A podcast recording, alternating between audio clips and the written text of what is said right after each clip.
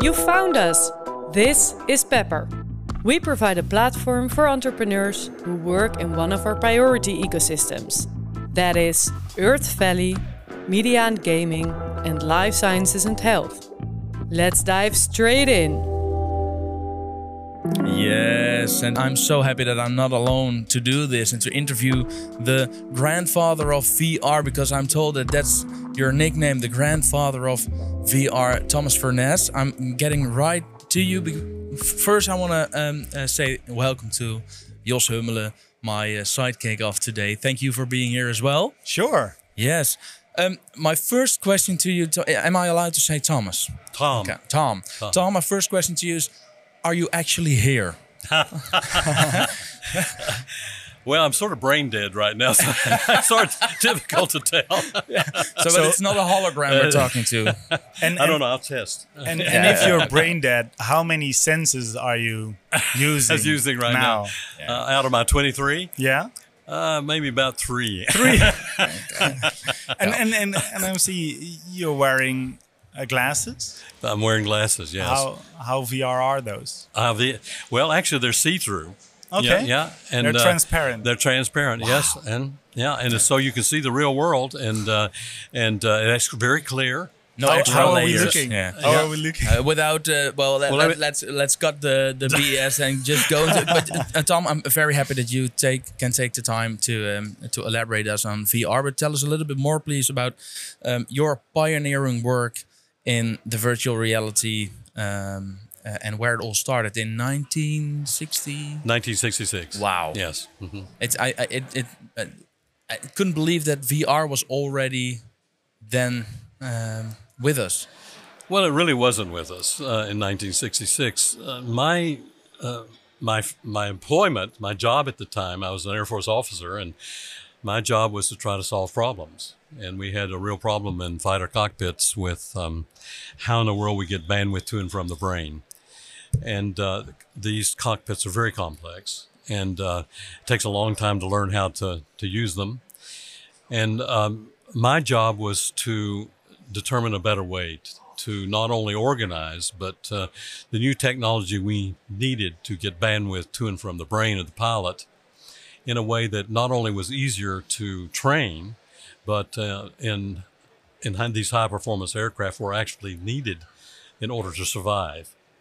And so that's really where it began. I was a problem solver trying to, to figure out a better way to do this. And what evolved out of that over a period of time was this idea that we needed to go to virtual images, where it didn't take up any physical space, but you're able to convey information more efficiently to the human's visual system and acoustic, our hearing, as well as uh, tactile uh, modalities that we have in the human. So really, I was a problem solver. And what came out of that is what we now call virtual reality. So I saw some pictures of you, Lieutenant Furness, with a VR, yes, helmet, and that looks that looked awesome, of course. Um, but later on, you developed into a researcher, developed into health, uh, medicine, uh, help helped young people learn faster. Where do you feel most at home? In the army, or as a researcher, or where?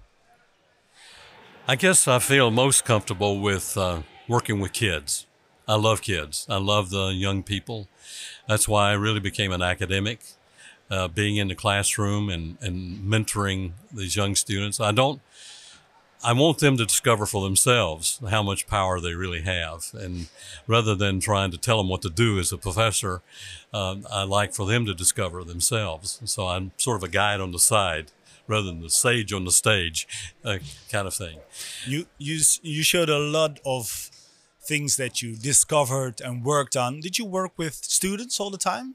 Work together with them? Well, certainly after I, I became an academic, I mean, for the, my first 24 years of my career, I worked for the Department of Defense and the Air Force and, and developing fighter cockpits and testing the fighters and, and testing equipment. And so I've had the experience of operating them myself and, um, and trying to optimize them. And what came out of that, of course, is just another, a new way for us to provide a, a new kind of vision um, and a new kind of way to amplify and develop our own senses that then I carried with me into the academic setting, into the classroom in my research laboratories there at the University of Washington, and indeed uh, with spun off laboratories in New Zealand and Australia.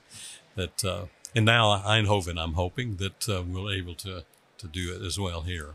Yeah, you you um, you you've mentioned on the stage that at some point you were invited by the Pentagon to give presentations and the classified information went went declassified, so you were able to tell about it. And after that, people from other uh, work environments started calling you. Um, can you help us with? Could you elaborate a little bit more on that? Well, this is something that was completely unexpected. Um, I was, uh, um, as a result of this phone call from uh, this general officer, uh, I basically did a press conference and uh, told, talked about this this virtual cockpit idea and how well it worked, and it certainly was a way to communicate better from a machine to a human and back again.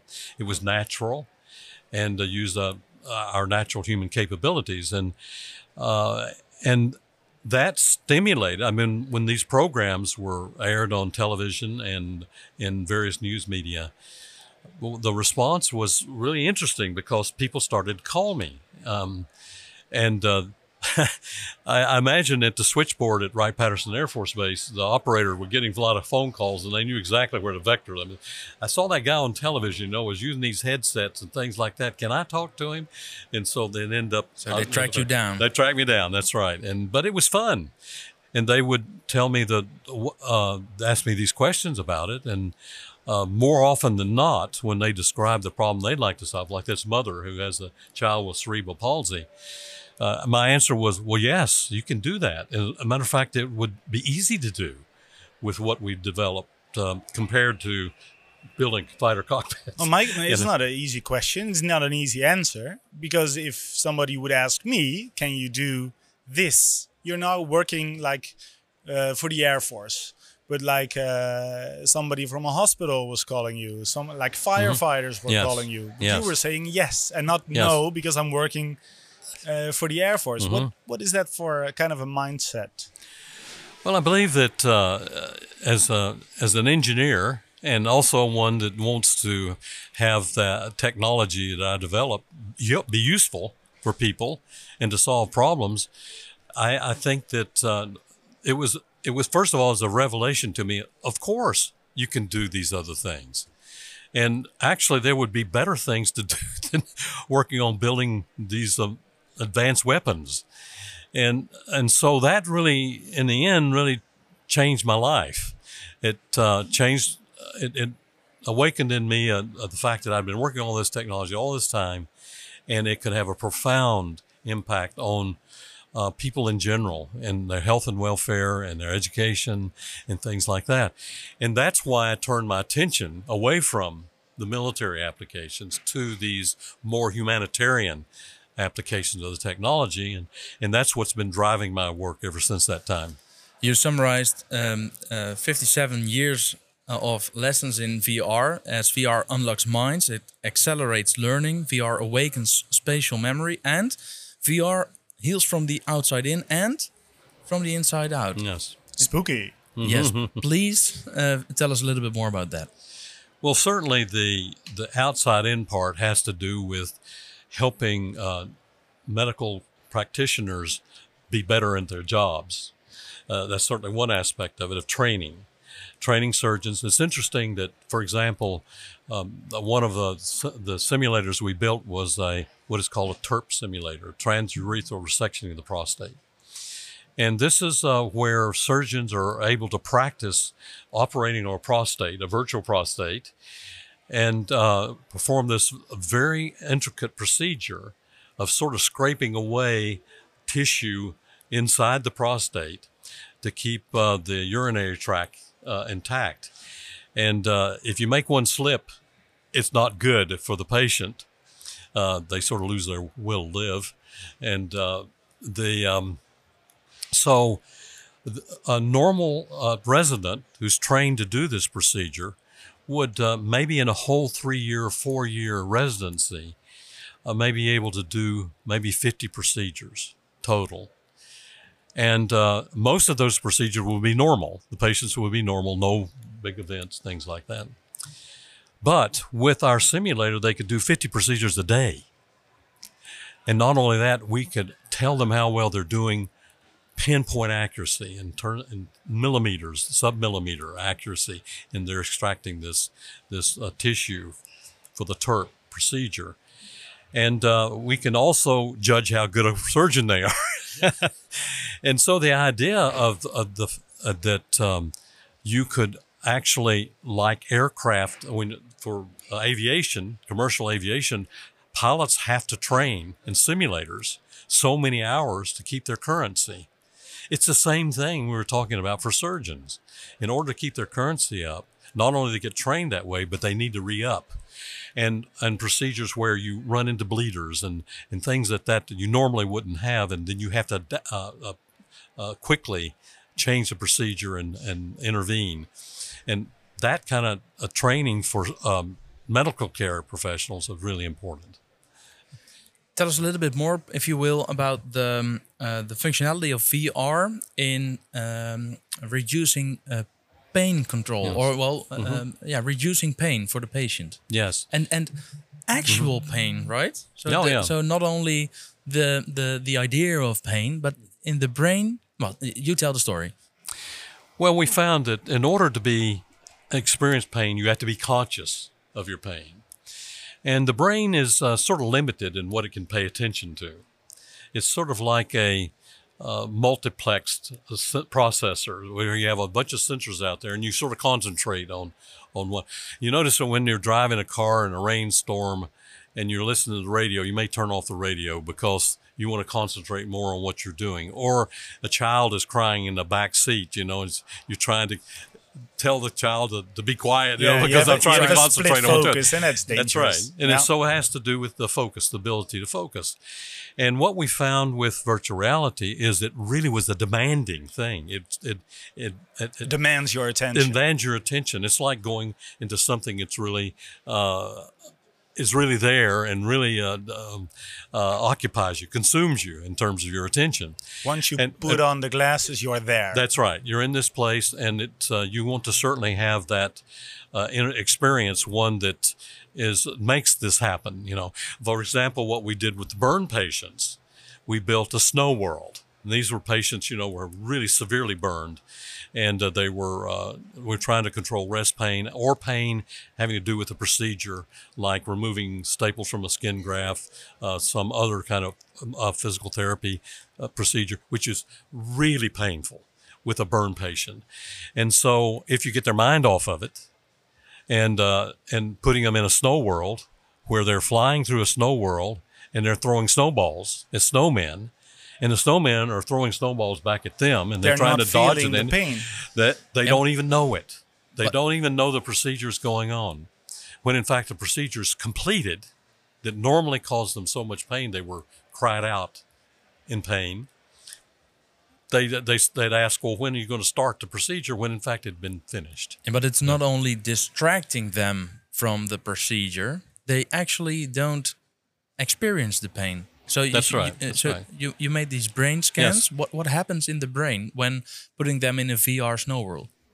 Well, you know the if you the way we use brain scans, uh, MRI, functional uh, magnetic resonance imaging, is it tells us where the metabolic activity is happening in the brain. You know, where is the brain lighting up and where is oxygen being consumed and so forth, which says the center of activity of, of what's going on in the brain. And we noticed that when we put people in VR that it shifted uh, to another place in the brain when indeed if it didn't if you didn't have the VR intervention it stayed in the pain centers what we consider the pain centers in the brain. So what we're trying to move it from there the metabolic activity and indeed it was something that they didn't experience. It's right. I mean uh, not were they not unconscious of the pain they were actually um, uh, weren't experiencing the pain. Yeah so um, like pretty remarkable thing. powerful. Uh, yeah. VR. Where, mm-hmm. where, do you see VR going in the future? Well, 60 years from now. uh, well, certainly, I believe that it'll become as common as we, we have with other technologies. Like the glasses you wear. Yes, that's right. I mean, one of the things that that uh, I asked this morning, I gave a, a talk this morning, and everybody was asking the same kind of question. You know how, you know, what is going to be the what is going to be this application that that makes uh, makes VR the the most important thing in but life? I'm asking you because you Yeah. already saw the future in the 60s. But uh, but I and I uh, this, this morning I said how many in the audience actually wear spectacles? You know, and about half the audience you know raise their hand. Okay, why are you wearing the spectacles? And it's because it enhances my vision, right? And it solves a problem for me. That's what we have to have with VR for it to really be adopted. What kind of what kind of problems would be solved with VR? In, in? Okay, it depends on who you are and what problems you have, but certainly we talked about the pain one. But if you have dementia, for example, there's a way that we think we can um, help deal with dementia with patients by keeping their minds active and keep that flow going. Uh, for people who are in nursing homes who are lonely, a lot of people lonely in the world, they can have a place to go. They and- play in VR with people around the world. Well, that's and with their family, Okay. with their family Seattle to members. Yeah, they go play with the whales. They uh, they go play with their grandchildren. They go on trips together. When in fact they're in an assistive care facility in a nursing home, uh, so they're able to have a place to go. And one person said, one uh, um, 101 year old woman, uh, patient in a nursing home, uh, when we put the headset on her, she said, "Now I have a reason to live." Wow! Yeah, because normally they're just doped up so they don't uh, aren't anxious, but now she was she had something to do and uh, to stay active. Yes, so uh, and for children, for parents, I mean, I believe that in the future, most education is going to be delivered not in a classroom, but going on field trips and doing things out in virtual worlds. That's how you learn. learning by experiencing. Yes, and by doing things. And that's the way you build the models in your head. And uh, you we'll always have teachers. The teachers would be guides that take us into these worlds and, and help explain things. But um, even for adults, we can expect um, half of the jobs that, ex- that people have right now are going to go away in the next uh, 20, 30 years. And they'll be replaced by probably by machines, robots, things like that. So here you have a person who's trained all these years and, and mid-career, have a family, have a mortgage, uh, and uh, their job goes away. How are they going to upskill for a new job? It's not go- going back to school. It's going actually into virtual worlds And to learn these new skills. these devices are becoming more and more popular for the uh, for the commercial, uh, uh, just for the uh, for the normal guys like you and me. Well, I just see, saw the price of the new Apple device. It's not very uh, within reach. It's it is quite. But um, what are key challenges that need to be addressed to um, achieve the widespread adoption and acceptance of these new technologies? You think? Well, that's the question. That is the good question. And I, and Apple is interesting, the approach they take. They have more money to put in this than anybody in the world. And yet, what they've done is take a conservative approach, which I think is brilliant. It is uh, us taking small steps. Basically, what they're saying is let's just look at providing a reasonable display for people. Now, here we're looking at screens, either our computer screen or our phone or whatever. They're saying, let's do away with having to have this physical screen. And let's make a nice screen in the sky that you can interact with uh, using eye position and speech. Just look at things and give a command. And take the place of the keyboard. So you don't have to look down. You have to have this other appliance. And by the way, you can walk around with this, go anywhere in your house. Now, what they've done is they're basically getting started with that, which people will begin to understand. Yes, this is a better way of doing things. I don't have to have this big monitor out. My monitor can go anywhere. It can be any size. And um, so, um, but they already have VR and AR built into it. And so while these applications are developed, and there's that's going to be the end game is what do you can you do with it? What can you do with it you can't do any other way? And you need that, just like my spectacles, that it enhances my vision so I can live and appreciate and, and do my job and things like that. That will be the same thing that happens, I believe, with VR. Uh, and that need, because people have to need, had to want and need to use it in order for the install base to grow. We recently talked a lot about artificial intelligence, ChatGPT, and all that. Is there a dark side to VR? Is it can it be dangerous? Oh yes, uh, you can become a huge couch potato with VR. You know, you you could just spend your whole life in VR. You know, virtual food isn't very satisfying. I don't know if you've tried virtual food, but it doesn't doesn't have many calories. I, I once but had it a doesn't. virtual tomato uh, Yeah. thrown at my head. but uh, but yes, uh, but this is true with any of our new technologies. Um, starting with splitting the atom, we're in, we unleashed enormous power in, in splitting or fusing the atom. Um, so, do we not do it because we can make atom bombs? Do we just do away with uh, that kind of uh, procedure of, of, of manipulating matter, when in fact it can provide us unlimited power? we as um, humanity need to know how to use fire because that's what we're playing with. We're playing with fire. Fire that can cook our food and keep us warm in the uh, wintertime in the Netherlands, or, um, or it can burn our house down and kill us and things like that. Same is going to be true with these technologies, VR, artificial intelligence, and so forth. But when you look at the upside of it and the transformation that can be made, especially when we add AI. AI is uh, a lot of people are afraid of AI. I I think it's just like splitting the atom. We have to just be we have to have our guardrails in. But the time constant right now, the time constants are different with the invention of this new technology. We had time before to set up the guardrails. Now it's happening so fast it's difficult to keep up doing that. So that is the difference of what we're seeing now. But we see artificial intelligence as a uh, an interface for VR, and VR is an interface for AI. And together with this tool, we can become better and can be um, more human with the technology. And so, uh, and not only that, the, the generative AR, AI can be used to, to create these worlds that teach us. And because it takes so much time and effort to do it right now, because we're doing it manually with CAD tools, we're basically trying to design three dimensional worlds in two dimensions. And with AI, with generative AI, and with very simple uh, instructions, the artists amongst us have a tool where they can generate content. And in the end, for VR, it's going to be the application. It's going to be the pull side. It's going to be the artist that make the message that goes in the medium. We engineers made the medium. Now what are you going to put in it? It's like you have the best television set in the world. Uh, big screen television, smart TV, but it's going to be no better than the programs that you can watch with it. Looking ahead, what of the um, what of the areas of research and development are you particularly exci- excited about?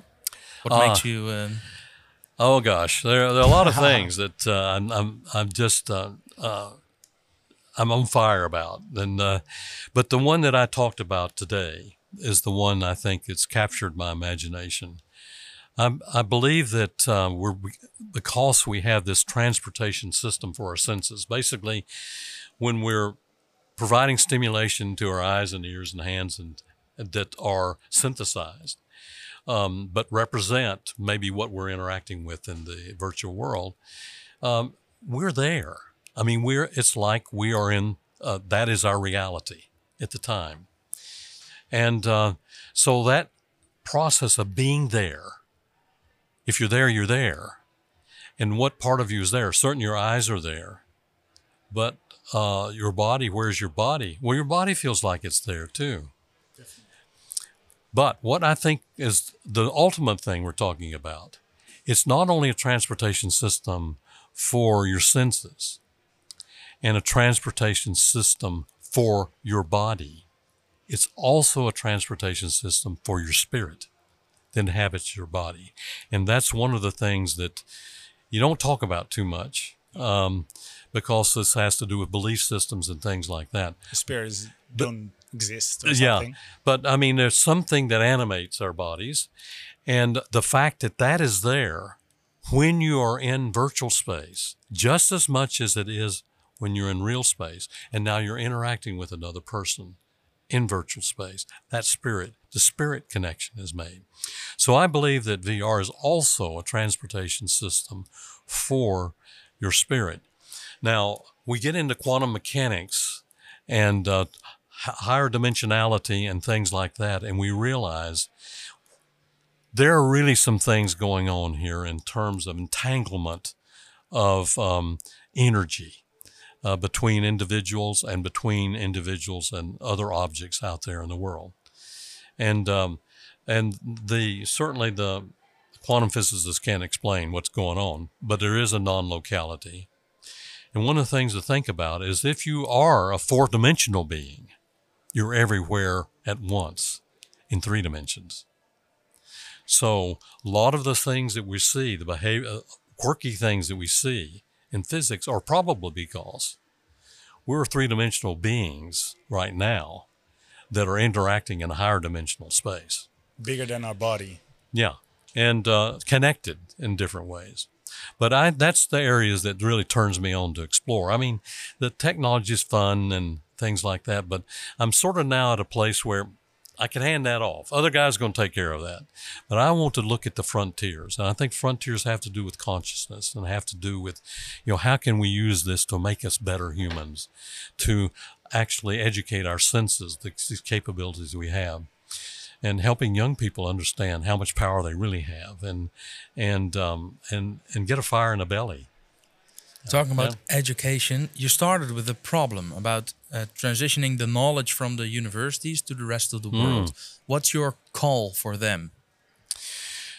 Well, the the important thing is that um, that you're able to follow through with your ideas. I mean, what academics do, and I've been, you know, I've been, I can say so because I'm a professor and I've uh, played the academic game and had to write the papers and and beg for money and uh, and so the um, the scorecard, the report card for professors is different than the report card for entrepreneurs. But both need each other. And uh, the professors uh, generally are uh, work alone because you don't get your bennies uh, by uh, cooperating a lot with a lot of other people. Because you, if you win a Nobel Prize, you want to win it. You know, you want to win the Nobel Prize. You don't want to share it with all these other guys.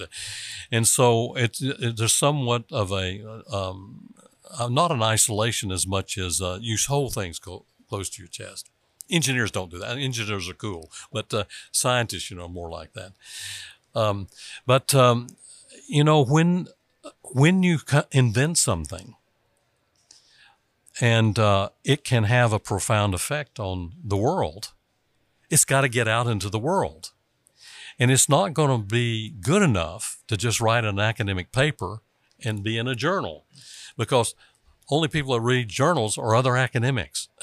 you know, so they're in their own do loop, you know, and um, so how do you take these amazing inventions, and uh, when we're talking about uh, quantum computing and and uh, things having to do with uh, quantum entanglement and uh, uh, one of the, the areas I'm working on is actually photon emission from the eyes.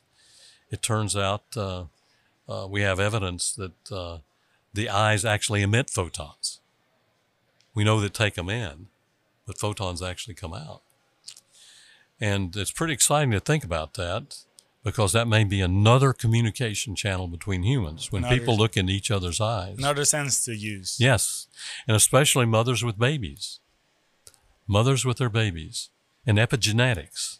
Maybe you're programming those extra genes by the way you interact with your children by looking into their eyes. So these are areas that are sort of weird and spooky, but really exciting because that is the frontier. Consciousness, the mind, healing in the mind, those kind of things are they really excite me right now. The eyes are the windows of the soul, There says. Zig Ziglar, who has uh, almost uh, such a beautiful voice as you have. Are there any questions from the audience? Any, Mic is open for you. any final question from you? We have Jos? two uh, questions, right? Maybe it's uh, it's nice to um, to put the Yeah. mic open for them as well. There is a question here, so I'm going to invite. Yes, please tell me uh, your name is Per Perez. Hi, my name is Pere Perez, and I'm the founder and CEO of uh, MetaCampus. Uh, we're a platform for education and onboarding towards Web3, Metaverse, and uh, and um, AI. So my question for Tom is: is how do you recommend that uh, we take the next generation into learning about the the potential and embracing technology uh, in this uh, fast-changing exponential world? I believe that um, that is not a difficult question to answer. Actually, um, what we need to do is is provide them access, and then get out of the way. It's just like how quickly uh, young people pick up on cell phones or on the ph- smartphones. You know, they already know how to do it when they're four years old, and uh, so I, I think that it's providing uh, certainly an opportunity to use the technology, but it's what do you do with it? You know, what's there to be done? And so, if there are things that, uh, for example, what there's this phenomenon of Minecraft. It's interesting what happened here that when um, kids started, they, they were when they started watching television and Sesame Street and things like that, you know, for kids that they um, they started um, sort of mimicking things. They learned the alphabet and learned how to be kind to each other, and they learned about the Cookie Monster and things like that. And and uh, these these puppets had uh, personalities and things like that. And my daughters were glued to the television watching that. But then uh, computer games came along, or video games, and it's interesting. Kids stopped watching television, and they would play these computer games because they could control things. It was interactive and fun. And then when um, Minecraft came along, they stopped playing computer games. They started creating because that's really the bottom line. How can they create something of their own and then experience that in some way and share it? No, absolutely, and I can see the younger generations to be more uh, native, you know, for uh, for them. Yeah. But uh, the professionals that they still have another 10, 20 years to to go before they retire, and that they're not um, digital uh, natives. Uh, how you know there is a lot of barriers, and from a mindset perspective, how, do we change that uh, way of uh, embracing technology and and moving into uh, you know the constant change that you need and the constant education that uh, you need to upskill uh, yourself? Is um, how, how do you break those barriers you know in, along the, your industries? Well, I think that part of this is going to have to do in vertical markets where that's going to happen, and and where VR does. It, it's clear the evidence uh, from practice of using VR helps in the workplace, helps the bottom line of companies, and so people are going to by nec- necessary in their work. It's going to be a part of their work, where the, for example, the HR community is going to be using this for training people uh, how to deal with workplace challenges like uh, gender preferences and racial problems and and bullying and all those kinds of things.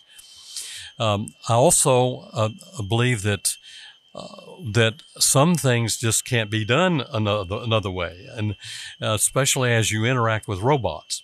Robots are going to be, they not just only can take the place of people; they can also be helpers. And so, how do you work together with a robot that is an associate? Because the robot that's a that's the perfect team, you know, where you sort of have the, the adaptive uh, intelligence in the human, but the robot has a strength and precision and things like that, and working out a relationship between the two. And that's another example where VR and working with robots uh, can can uh, be necessary. You know, have this these this kind of technology. Now, um, in terms of um, learning new skills, uh, if you're training to be uh, repair copying machines or whatever, there's no question, or mechanic uh, for uh, the car mechanic or an aircraft engine mechanic, no question that training in, in VR is going to. So what happens in all of these workplace settings? People are start, going to use be using the technology. And so uh, is going to be used for training purposes. It's going to be used in work, actual work, and like um, uh, Boeing using uh, uh, augmented reality to help wiring, do wiring harnesses. You know that this can't be done really uh, uh, efficiently any other way.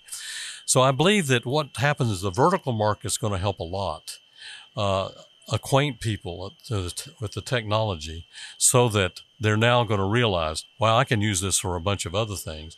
And the way they're going to pick up skills when they've lost their job is that way of how to do something new, how to upskill to do something they haven't been able to do before by by getting involved and using your whole body to learn. Yeah. Uh, okay. Thank you very much for your. Yes, your, uh, thank you for popping up the question. And although they are, we are still at the exhibition floor. They are trying to to get us out of here by put, setting off alarms in the background. but we yeah, we hear that. Uh, we hear that, but we're we, here to um, stay. We we're here to stay. I have uh, two more small questions.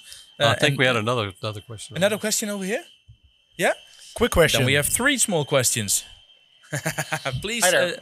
Uh, uh, I'm Andy uh, Luurling of uh, Lumilabs Venture Capital Fund. I, I know uh, Tom a bit, and I've been uh, been his driver the last uh, two days, three days. And my question is really, um, I have a VC fund. I invest in early stage, uh, also spin outs from universities.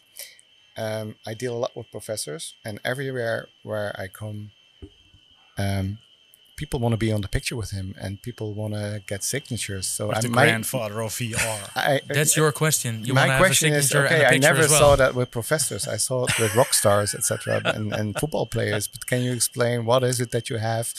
That is is it really being the grandfather of VR, or what is it that you have that that you're so popular? Wow, that's. Uh, It's, I, I just noticed try, it. You're trying to psychoanalyze me? Is that you know, I think it's because of my heart. I, I'm, I'm a kid at heart, really.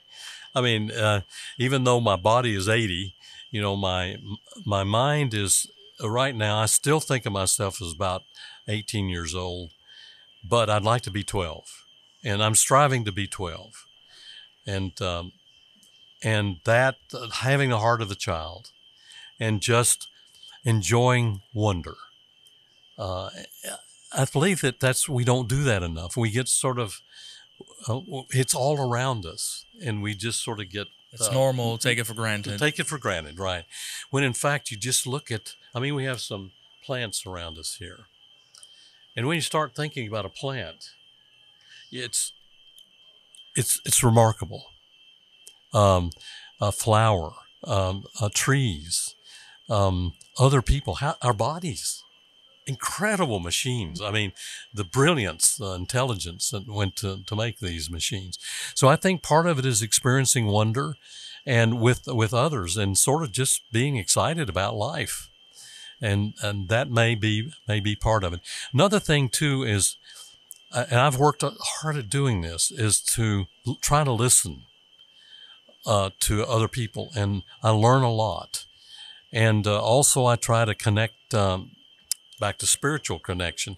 I try to to try to look through this person's eyes and and how what they may be thinking about and what the concern that they have and so forth. Did you feel the spiritual connection when you were driving the car? In all the time, all the time. All the I have to say, um, So I think people again, it's back to being human.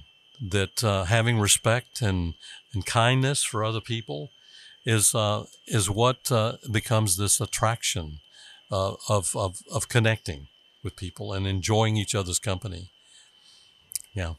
Thank you, Andy. Uh, one more question from JP. He's the director of the Dutch Game Garden, uh, having uh, to do a lot with VR as well.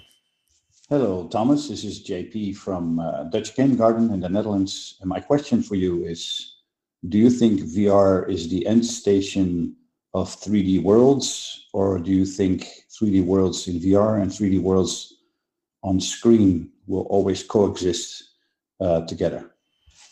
Hmm. Thanks. Inter- okay, that's an interesting question. Um, we have on screens generally, you don't really get 3D unless it's a special kind of screen. You can get 3D. But real 3D is difficult to do, even in VR, because we have to remember that these um, pixels that are presented in headsets, for example, uh, yes, you can create a stereographic cue, a binocular cue between the two eyes, so that depending upon where you position a particular object in VR, it appears to be at a distance because of these vergence or binocular cues. But the problem is the way these headsets work, you're collimating the, all of the pixels on the screen so that they're one distance, usually approaching optical infinity. So the wave light waveform coming from those pixels are like at optical infinity in the distance, even though you may put an object that's maybe uh, one foot in front of you. And so uh, that means there's a conflict between what divergence cues you're getting is telling you how close that object is versus what the accommodative cues are telling you in terms of the way your eye is focusing. That's one example is that we don't have displays yet that display true 3D. They display sorta 3D, but without the the um, cue with accommodation. Now, what can do that? What kind of display can do? What kind of display can do that? Well, it can't be done with a screen. You cannot, at this point in time, actually modulate the light white light front to create a true voxel, which is a volume pixel. And so, therefore, there's something artificial about it. About the only way that you can create a true 3D image is with either true holography or with my virtual retinal display. Because the virtual retinal display uses lasers. And lasers have coherent light. And that means that you can actually modulate the shape of the wave front on the fly as you're scanning the image on a retina and therefore each pixel can be at a, a comet, a, the correct stereoscopic distance and the right waveform distance um, to represent true, true 3D. So with the technology we have today, um, I believe that uh, the closest you can get is with VR. You, can't, you aren't going to, you'll be able to, with limited ability, with some special uh, means of uh, waveguides on a screen to create what's the illusion of 3D. But it's either one of those still don't have the accommodative cues. The only way you're going to get the accommodative cues is some kind of depth plane switching uh, to do that. I don't know if that answered his question, but that was a try at least. Well, as JP is not here, he recorded the question. I can't ask him, but I will do afterwards. But I okay. believe there was a, a, a very complete answer. Mm. Thank you. So the final question, um, and then we're going to wrap up. If you look back at the basis of virtual reality, the, the early beginnings, what is it like to look at the current developments and what do you see for the future to come? Oh, that's a another good question. Question from Annette uh, mm. business developer, media and gaming, ROM Israel mm. region. Well, my, my knee jerk uh, answer to that is why is it taking so long? I mean, we were doing this, you know, 40 years ago and uh, and doing it fairly well. And uh, we've been futzing around with this all this time when we could have had it a long time ago. What we didn't have a long time ago is that we didn't have the graphics processors. We didn't have the telecommunications. We didn't have the screens. You had the virtual vision in 1995. We did, but certainly the virtual virtual vision was not um, we couldn't get the pixel flow in, in that. And then the, the, we're using liquid crystal displays and their resolution was pretty low.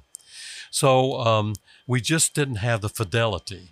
We could do it, but it was the processing power was not really there, and the the resolution wasn't there. And and now we have those things. We didn't have them because somebody developed VR. It's because somebody developed cell phones, you know, and smartphones and things like that. So we're capitalizing and the 5G network, all the high speed fiber, all of that stuff happened while we're waiting to get what we needed to have as the com- the basic components so this VR could take place. So it has taken a long time, a lot longer than I thought. I thought, you know, I, I was we got to have we're going to have this you know 10 years and then there's another 10 years and another 10 years and that's going been going on for 60 years about and um but now we're we're there and i think it's going to get better and better especially when you have uh, something to do with it because really what makes technology grow is having the pull, the applications pull. We've been pushing all these years uh, technology, you know, looking for a fit. Where can it be used? Things like that. And now, you know, the need is there well, in medicine and education and, and how we're going to navigate into space, how we're going to go in the metaverse, all these kinds of things. With a spatial web, we need to have this super cockpit for the mind that is going to take us into that. And all of it now is the pull side. And I believe that we're going to find out we cannot really capture the real power that we have now unless we do use these tools. We're just not going to get there. Now, let me mention one other thing that I, back to answering the question of what is the future? I tell you what I'd like the future to be and that's transcendence. I believe that we're at a point in time in our civilization where we have to reach transcendence. Now, what does that mean? Um, there is a, a, famous psychologist named Abraham Maslow and did the this Maslow hierarchy pyramid. of needs, the pyramid, right? Now, most of us probably in this uh, this particular symposium already at the top. You know, we're self-actualized. We're in the top of our game. If not the top, we're getting there. but that's that. not the top. That's right. See, what happens is that's all growing within ourselves. It's all about me, mm-hmm. right? And so, in order to grow further, let's take an example. Let's say you're a musician, that you play an instrument. You play play a violin, you play a bassoon, somebody plays a, a, a saxophone, whatever, trumpet. But you play together.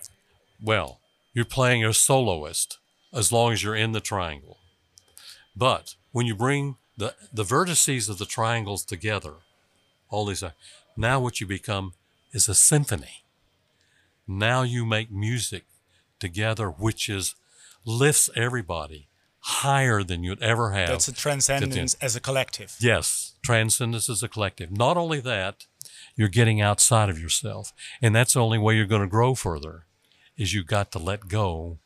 And now it's not about you anymore or me anymore. It's about us. And uh, then what we do is look around and say, wow, there are other folks that don't have their triangles filled, right? Mm-hmm. They're just basically getting to the first or second. We want them to learn how to play their instrument because everybody has an instrument to play. And when we're able to bring that symphony orchestra together, and by the way, the place that the symphony plays is the metaverse. That's what the metaverse can be. In this transcendence, now we become one. We can become one, so we work on these problems like climate change. Maybe we then, are already one, but we don't know it. That's, yes, yes. Ladies and gentlemen, the grandfather of VR, the man with the best voice we ever had in this podcast for sure. Thomas Furness, thank you so much. Thank you. Been fun. Thanks for listening to Pepper, a podcast made in the Utrecht region in the center of the Netherlands. Utrecht is the beating heart of a healthy society. Go to doingbusiness.utrechtregion.com to find out more. That is doingbusiness.utrechtregion.com. See you next time!